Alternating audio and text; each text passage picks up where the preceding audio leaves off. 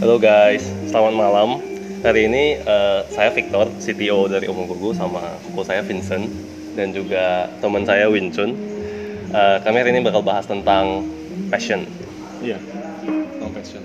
Ya, so uh, tapi sebelum itu kita perlu bicarain dulu apa sih passion.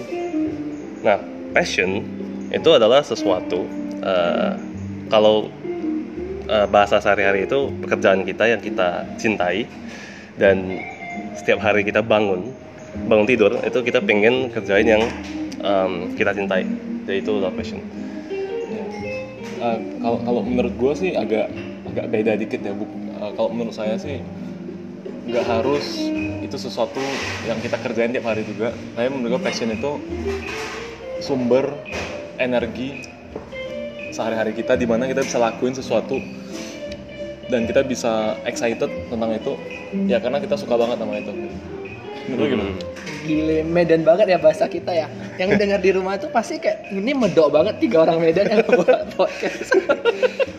Jadi kalau buat gue ya passion itu sesuatu yang di mana lu tanpa dibayar juga lu rela untuk ngerjain itu dan okay, apalagi yes, lu dibayar yes, untuk yes, itu. Yes, itu yang buat lu selalu bahagia untuk keep on doing that uh, for the rest of your life gitu. Oke oke, okay, so um, tapi cara kita ngenalin bahwa yang kita kerjain itu passion gimana sih menurut kalian?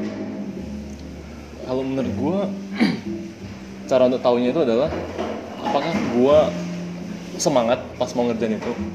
Dan apakah gue bangga dan apakah gue mau ngerjain itu meskipun yang yang kayak yang Vincent bilang tadi kalau nggak dibayar tetap dikerjain gitu. Iya benar benar. I think itu baru bener-bener kita ngomongnya passion karena uh, kalau kita nggak dibayar tiba-tiba nggak semangat untuk ngerjain itu ya itu bukan sesuatu yang kita suka sebenarnya. Hmm sih sih kalau Vincent uh, ya itu sih yang tadi gue ngomongin. Ya itu. Terus gimana lagi Vi? Um, mungkin mungkin biar lebih gampang untuk uh, teman-teman kita yang lagi dengerin uh, bisa mulai dari Vincent mungkin share tentang passion kamu apa sama pas pertama kamu tahu kalau itu passion gimana? Oke, okay. jujur sampai sekarang aja gue masih selalu mencari passion gue gitu.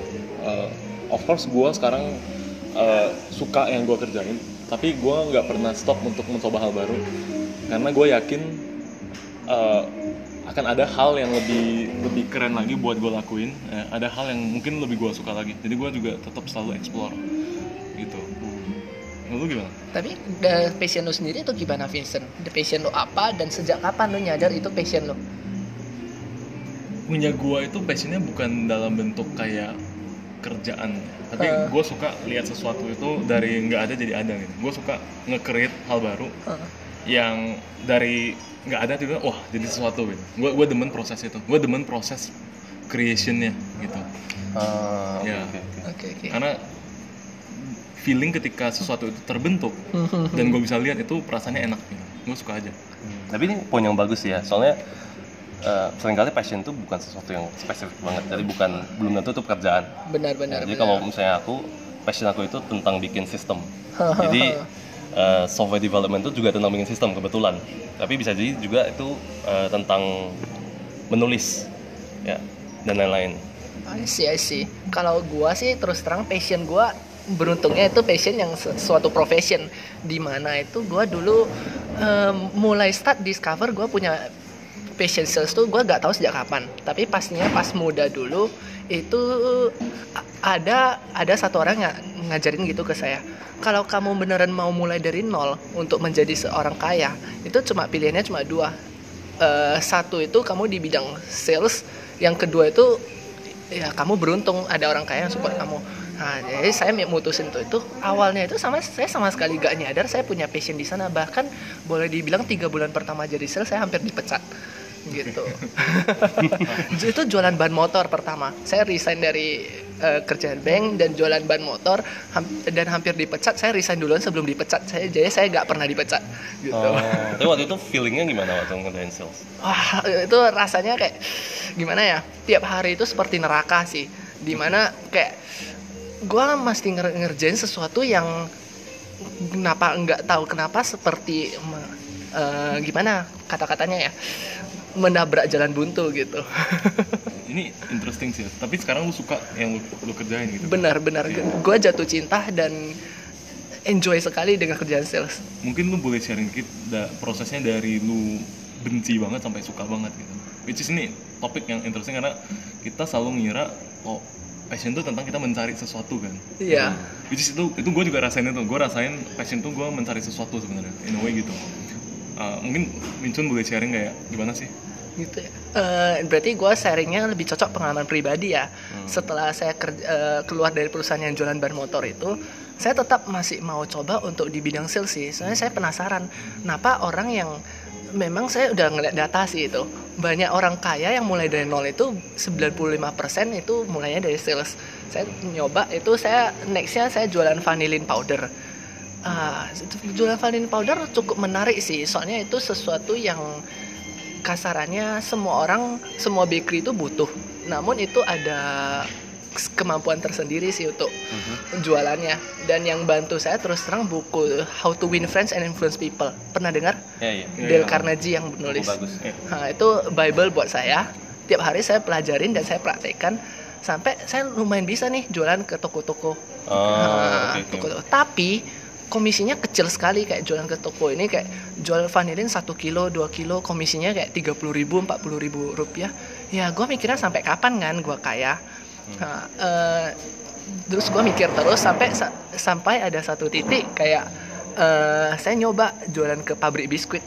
Pabrik biskuit saya coba ketok pintu saya nawarin dan beruntung sekali pas itu saya dapat orderan sangat besar dan komisinya jutaan. Itu pertama kalinya saya dapatin eh, komisi yang sangat besar itu dan sangat menagihkan sih buat saya oh Ah. oke Oke.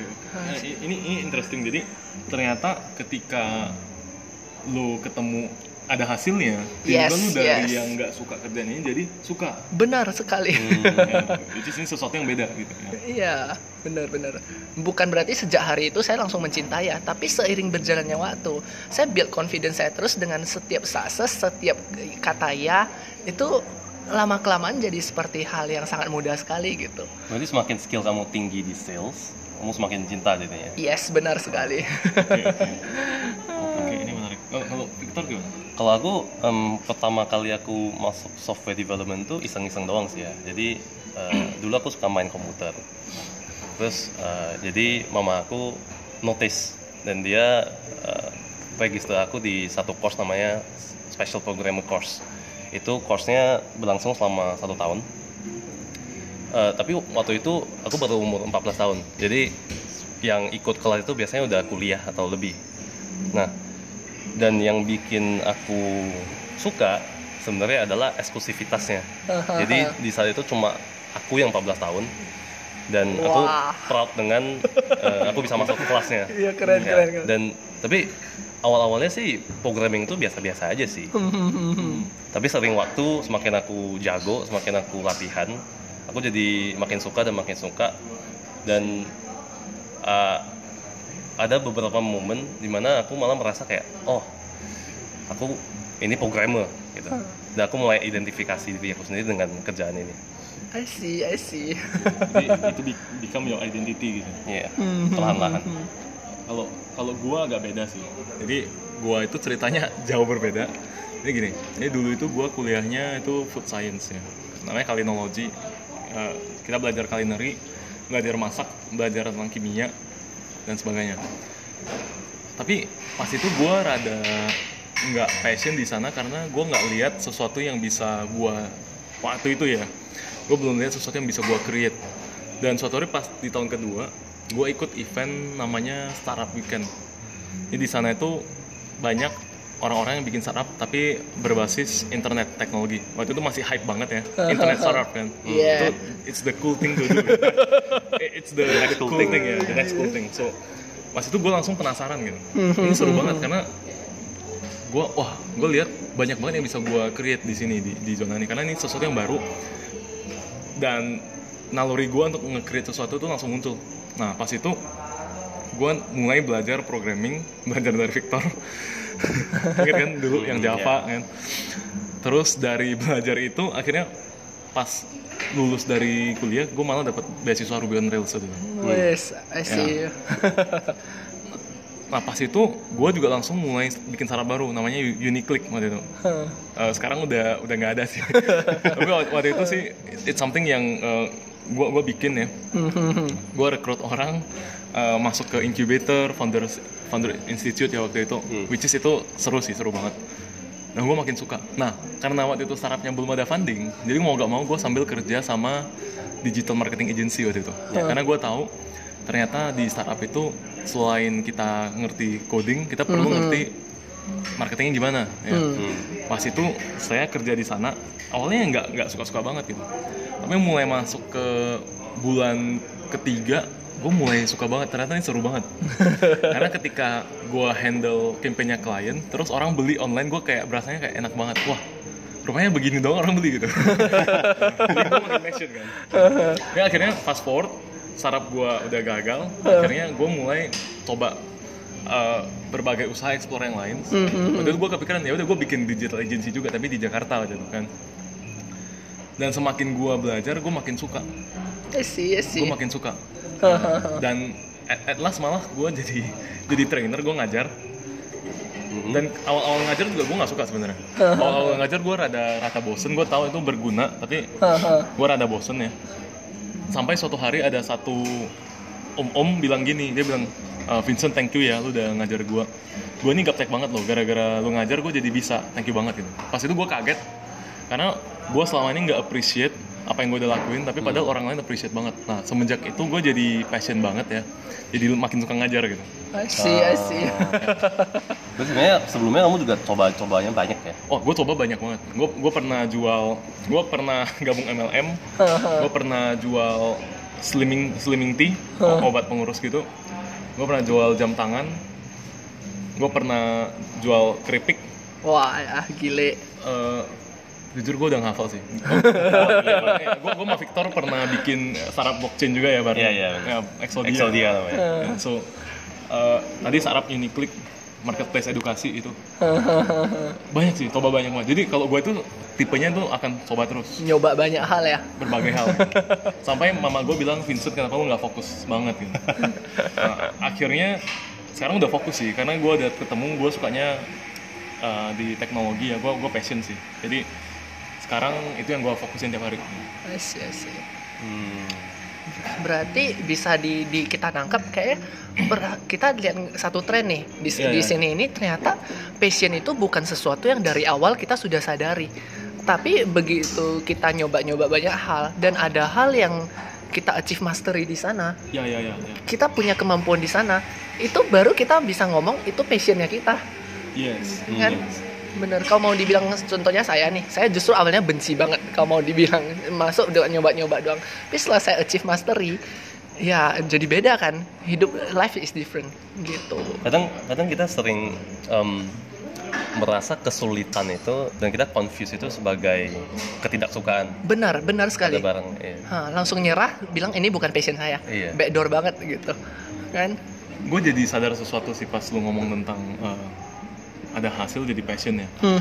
Gue gue discover bahwa untuk mendapatkan hasil itu kita butuh yang namanya talent. Jadi dulu itu gue gue ada pernah awal masa-masa gue ngira kalau hard work it will be talent every time gitu. Tapi gue sharing dikit ya tentang pengalaman gue. Gue pas kelas 6 SD, gue itu main basket itu lima hari seminggu.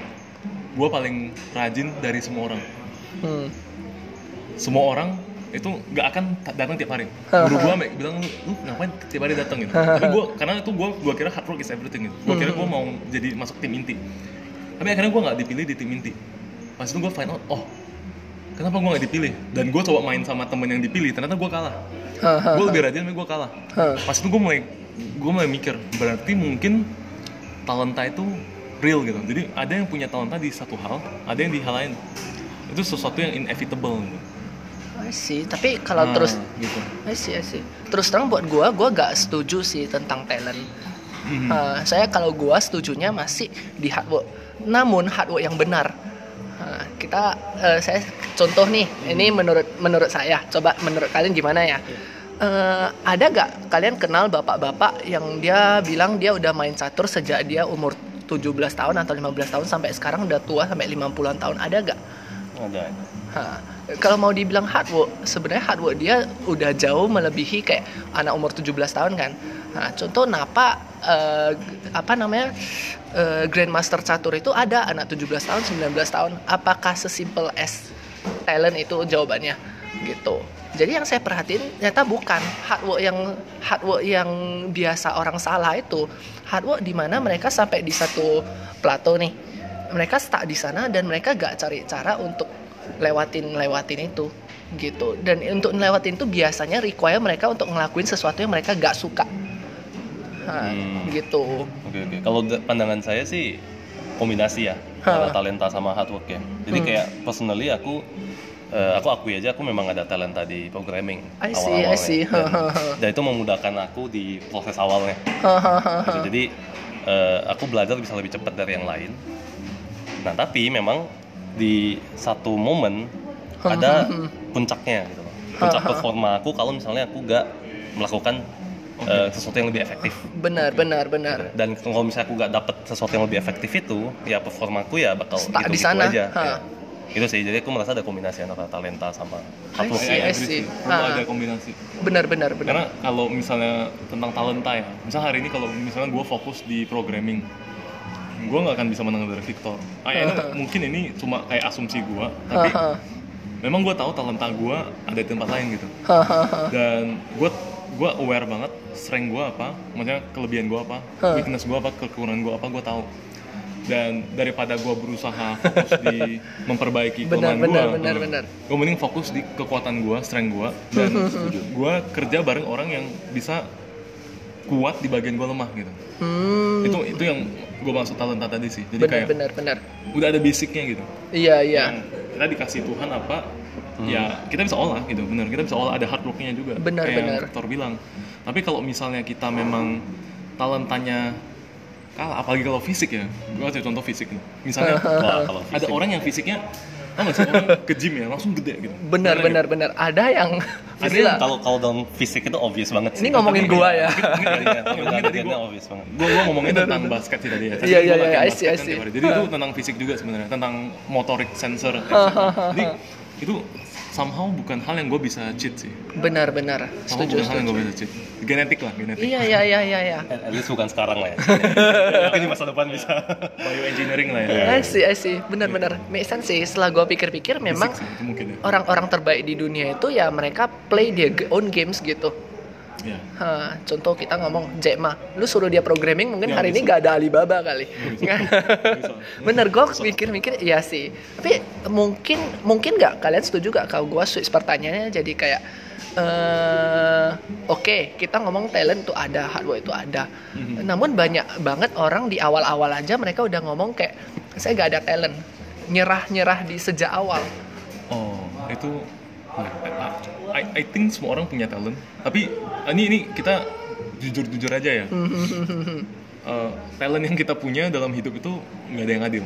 gitu ya. Jadi Iya, maksudnya iya. bukan berarti oke, misalnya Victor jago programming, Hah. eh, saya nggak jago programming tapi saya jago banget di hal lain. Belum tentu, belum tentu. Karena orang terlahir itu beda-beda. Ada yang punya kayak prodigy, kayak super genius. Ada yang ya biasa-biasa aja. Benar, Gitu. benar. Itu setuju sih, setuju. It's okay, but it's okay. Karena orang yang kurang talent yang harus kerja lebih keras gitu aja sih. Cuma, cuma gini, mungkin eh, yang yang lagi denger mungkin pengen tahu ya kayak cara kita tahu kita tuh sebenarnya bertalenta gak sih? Apa maksudnya di titik apa kita berhenti dan di titik apa kita lanjut? Iya, karena kadang bingung ini talenta gue bukan sih gitu kan. Iya, iya. Hmm. Kalian tahu tentang itu gak? gue terus terang gue gak ada ide soal itu karena gue memulai sales ini dari tanpa talent sih gue ngerasanya sampai hari ini gue gak believe gue punya talent tapi ya gue dapet achieve sampai sekarang tuh pakai practice doang Oke, practice dan oke. practice Hard work ya. Hah. jadi ya menurut kalian gimana Hmm. Kalau menurutku ya sebenarnya gak masalah juga kalau gak ada talenta ya. Maksudnya prosesnya jadi lebih susah dan lebih menyedihkan lah ya. tapi nah, tapi tapi as long as em, hasil yang kita mau dari yang kita lakuin itu tetap ada, ya menurutku hard worknya worth it gitu. So ya oke. di I satu think- sisi itu talenta nggak sepenting itu. I think aku nemuin sesuatu sih angle yang gini. Oke.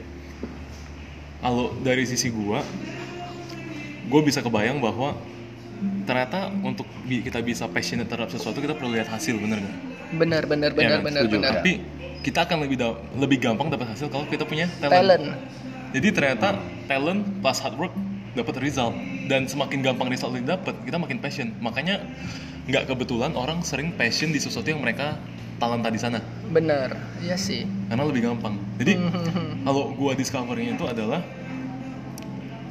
suatu hari ada orang bilang sama gue gini, "Ah, Vincent, lu udah latihan berapa lama ngomong di depan gitu? Jadi dulu gue sering kayak kayak Hmm, pas gua ya. ikut eh, namanya INI Club itu business club, gue tuh yakinin orang buat join club terus yakin orang bangun sesuatu bikin event, bikin program gitu-gitu, gue yakin semua orang.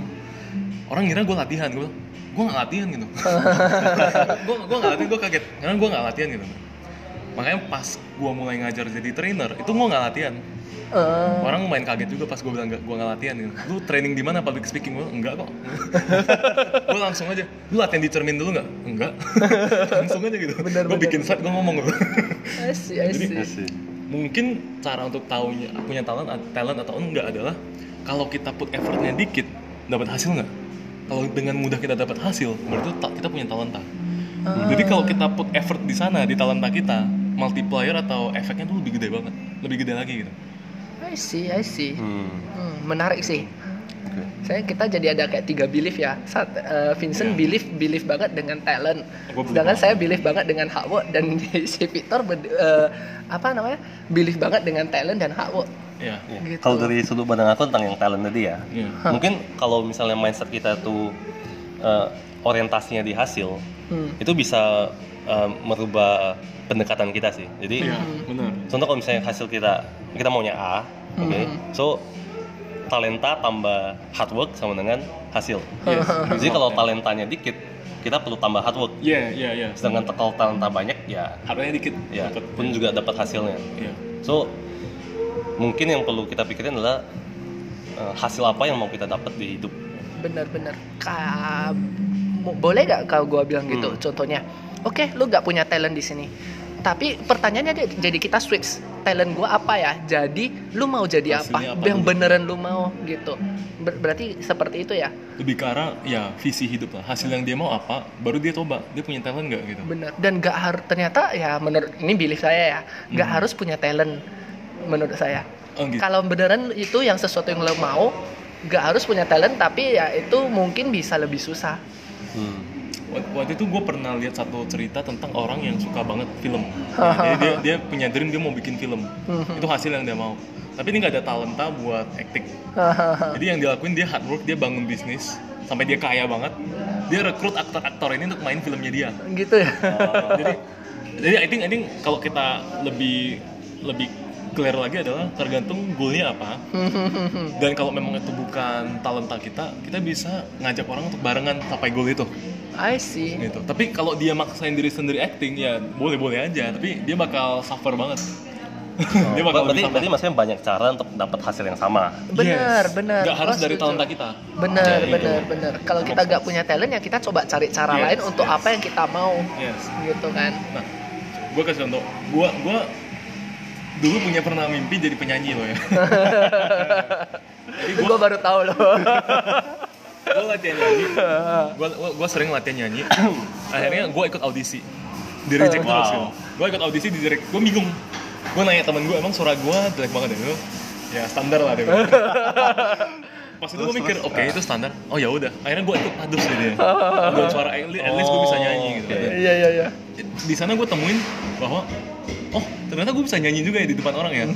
Dia- suara gue biasa aja. Ternyata kalau kita mau bergabung dengan yang lain kita bisa gitu. tapi kalau gue tetap maksain nabrak terus di depan nggak mau dengerin feedback dari hasil karena talent tambah hard work itu hasil. Hasil tuh feedback loh. Iya. jadi kalau kita memang maunya hard worknya gede banget dengan talent yang kecil ya boleh-boleh aja. Tapi ya lebih capek gitu Bener. Benar. Tapi gak ada salahnya kalau itu Nggak beneran salahnya, yang lu nggak mau. salahnya. ya nggak ada salahnya Kan? nggak ada salahnya Bener. lebih Ya. capek aja nggak ada salahnya sih Jadi pertanyaannya jadi lu mau itu atau enggak gitu. ya Nah, because most of the people itu sebenarnya mereka gak beneran mau itu, di Thailand mereka alasan kayak saya nggak punya talent Yes, ya yes. itu sebenarnya- yang big problem. Ya. iya Mereka blame Jadi di talentnya. bingung, bener benar. nggak punya talent nggak ada passion itu jadi backdoor terkuat yang pernah ada gitu loh ya jujur aja lu beneran mau atau enggak Benar, benar. gitu Oke, nah kalau kita udah tahu nih talenta tambah harus sama dengan hasil ya yang kita Ah. mau. Nah, berarti pertanyaan yang perlu kita jawab sekarang adalah cara tahu hasil yang kita mau itu apa?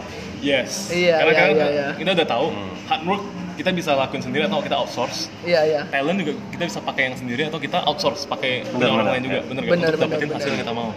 Tapi untuk tahu hasil yang kita mau nih, Hah, ini pertanyaan yang susah sebenarnya. iya Gimana kita bisa tahu hasil yang gua mau dalam hidup ini apa sih gitu? Yes. gua mikir loh enggak Ini mikir juga loh.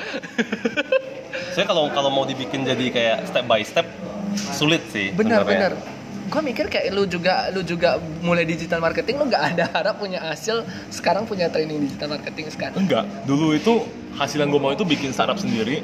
Ter- ini belajar digital marketing itu untuk mensupport startup gue aja gitu. Tapi ternyata gue sekarang enjoy marketing gue udah lebih mendalami lagi sampai belajar psikologi dan sebagainya. Malah jadi suka banget gitu kan. Hmm. Oke oke. Tapi kadang hasil yang kita mau itu kita dapetin saat kita udah ngelakuin hal itu bukan sih? Kayak contoh tadi eh, ada customer yang tank Oke. lu tentang Yes, Iya. gue gue ngerti. Iya benar benar. Jadi ironisnya nggak ada cara curangnya, nggak ada cara curang shortcut untuk tahu.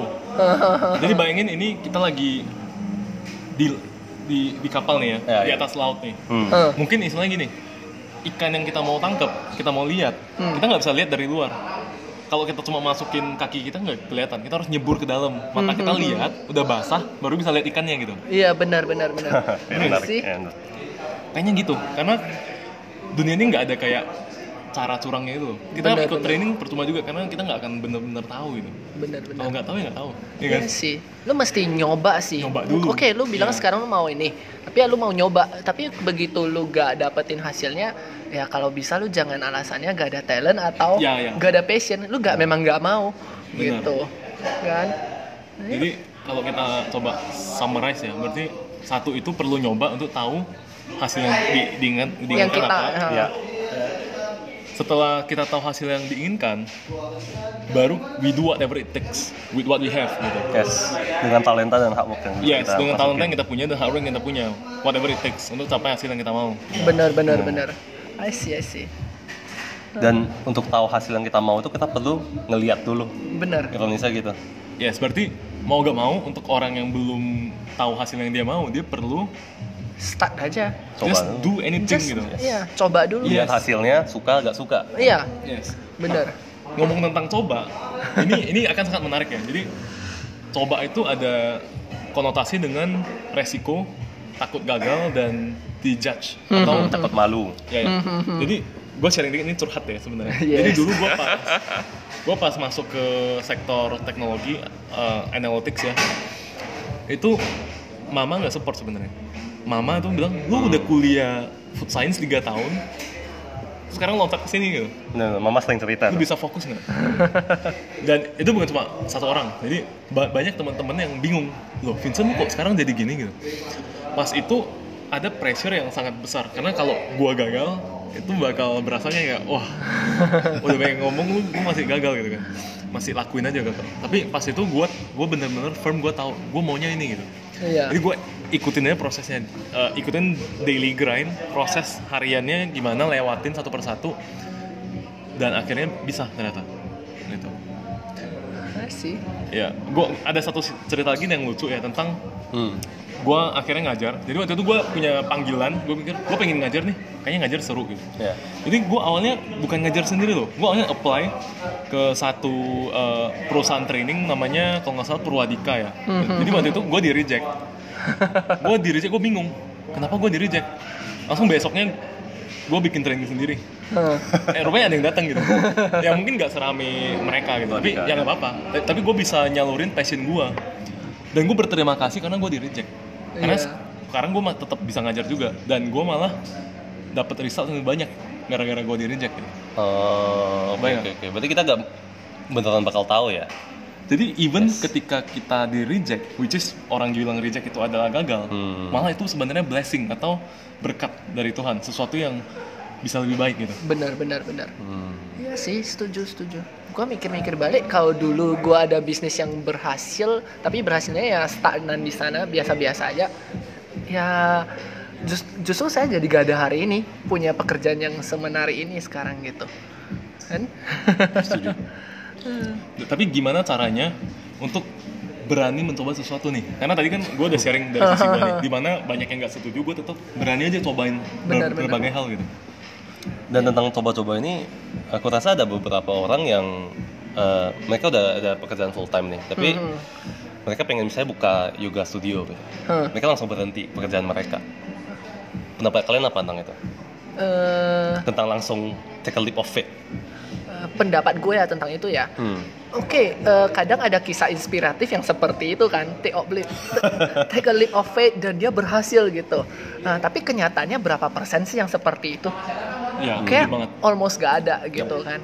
Ha, eh, saya percaya eh, kadang kita mesti beneran planning planning dulu kan Ya. pernah kan kita dengar kayak orang ngomong orang dengan planning itu kemungkinan eh, apa ya kata lanjutannya? Eh, kalau nggak salah ya, orang bodoh dengan rencana yang baik bisa mengalahkan orang pintar tanpa rencana. Benar sekali. Ini dari Warren Buffett. iya. Oh I see I see. Ya, Eh, gitu.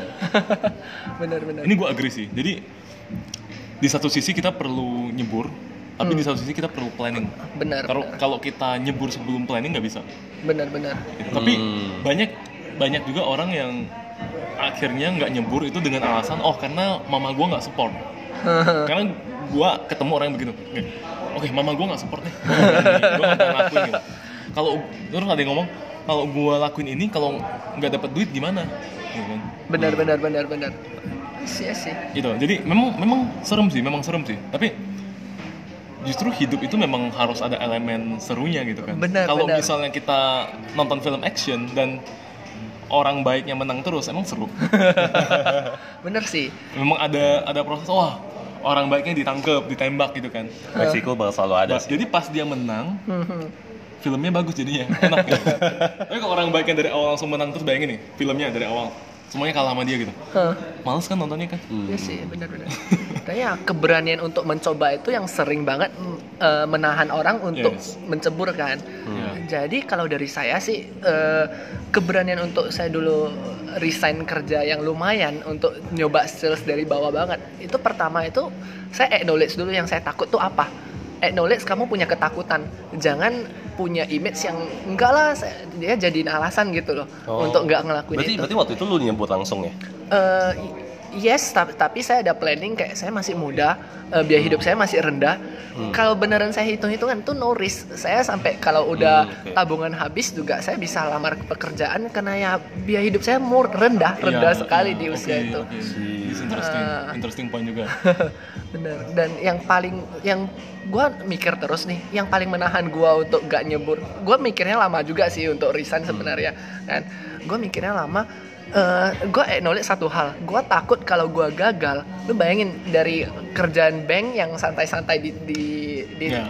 Apa lulusan SMA Ya, dengan ya. penghasilan setinggi itu jadi sales yang naik naik motor jualan ban motor ke satu-satu toko Jauh berbeda. itu Jauh berbeda, ya. gue acknowledge gue tak paling gue takutin tuh apa yang orang bakal pikirin tentang saya Ah, Itu yang gue alamin juga sih. bener Opinion of others. yes sampai satu hari mentor saya ngomong kayak lu coba jujur deh lu ada kan eh, temen lu yang lu omongin juga gue mikir ya ada sih ya dalam satu hari 24 jam lu ada gak ngomongin dia pasti ngomongin dia sekali enggak juga sih gitu dalam satu minggu udah ngomongin sekali mungkin gitu kan terus dalam satu bulan lu ada ngomongin dia sekali gak ah ada lah satu bulan sekali lu bayangin hidup orang itu 24 jam kali 30 ngomongin itu sekali doang ya gak signifikan banget sih wah itu, itu benar juga sih. This really good. ya. Hah. Iya. So what what's the matter gitu?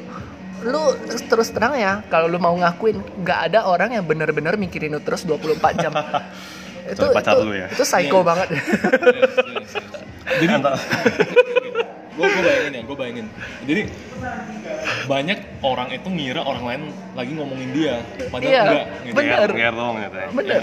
Dan dia GR banget ya GR banget Apakah mereka beneran benci lu atau mereka cinta banget sama lu? Bener, Lu bener. bakal ngomong gitu. dan ya lu di pikiran orang itu gak gak banyak gitu itu perhatiin deh yang lu takutin adalah apa yang lu omongin tentang diri lu sendiri Yes. Ih, gitu karena lu itu mikirin tentang diri lu sendiri itu almost every time dalam satu hari itu lu Hmm. mikir lu mau makan apa mau mandi jam berapa sekarang mau main game apa Berarti saat orang mikirin judgement dari orang lain, sebenarnya itu judgement dari mereka sendiri. benar sekali itu yang mesti diperhatikan jadi kebayang.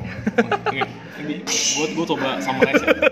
Jadi step pertama itu coba aja yang mau lu coba, nggak usah peduli orang mikirnya apa. Ya. bener acknowledge acknowledge yang lu Yes. takutin Benar.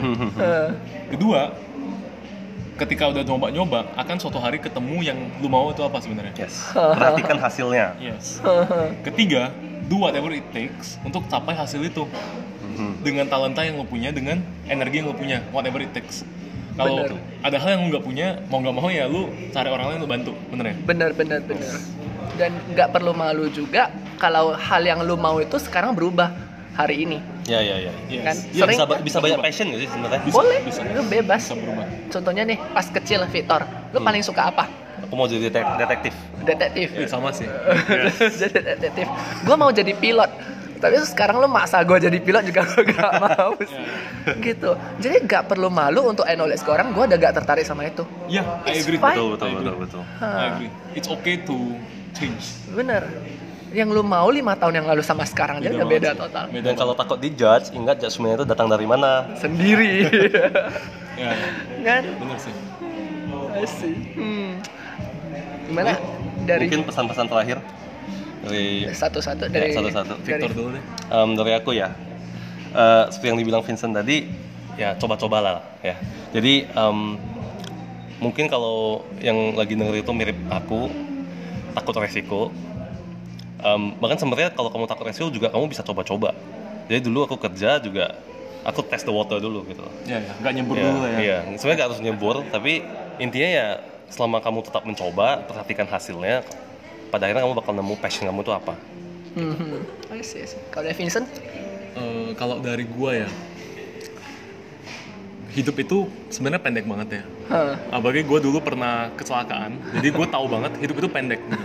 Jadi kalau hidup itu pendek, kenapa kita hidup dengan cara yang diinginkan orang lain, dengan pendapat orang lain? Kenapa kita nggak hidup sesuai yang kita mau gitu? benar sekali. Karena mungkin kelihatannya sepele, tapi kita akan mulai lihat bahwa waktu itu jalannya cepet gitu. Dan semakin kita tua, kita tahu wah ternyata waktu itu cepet. Dan kita bakal sadar life is really short gitu.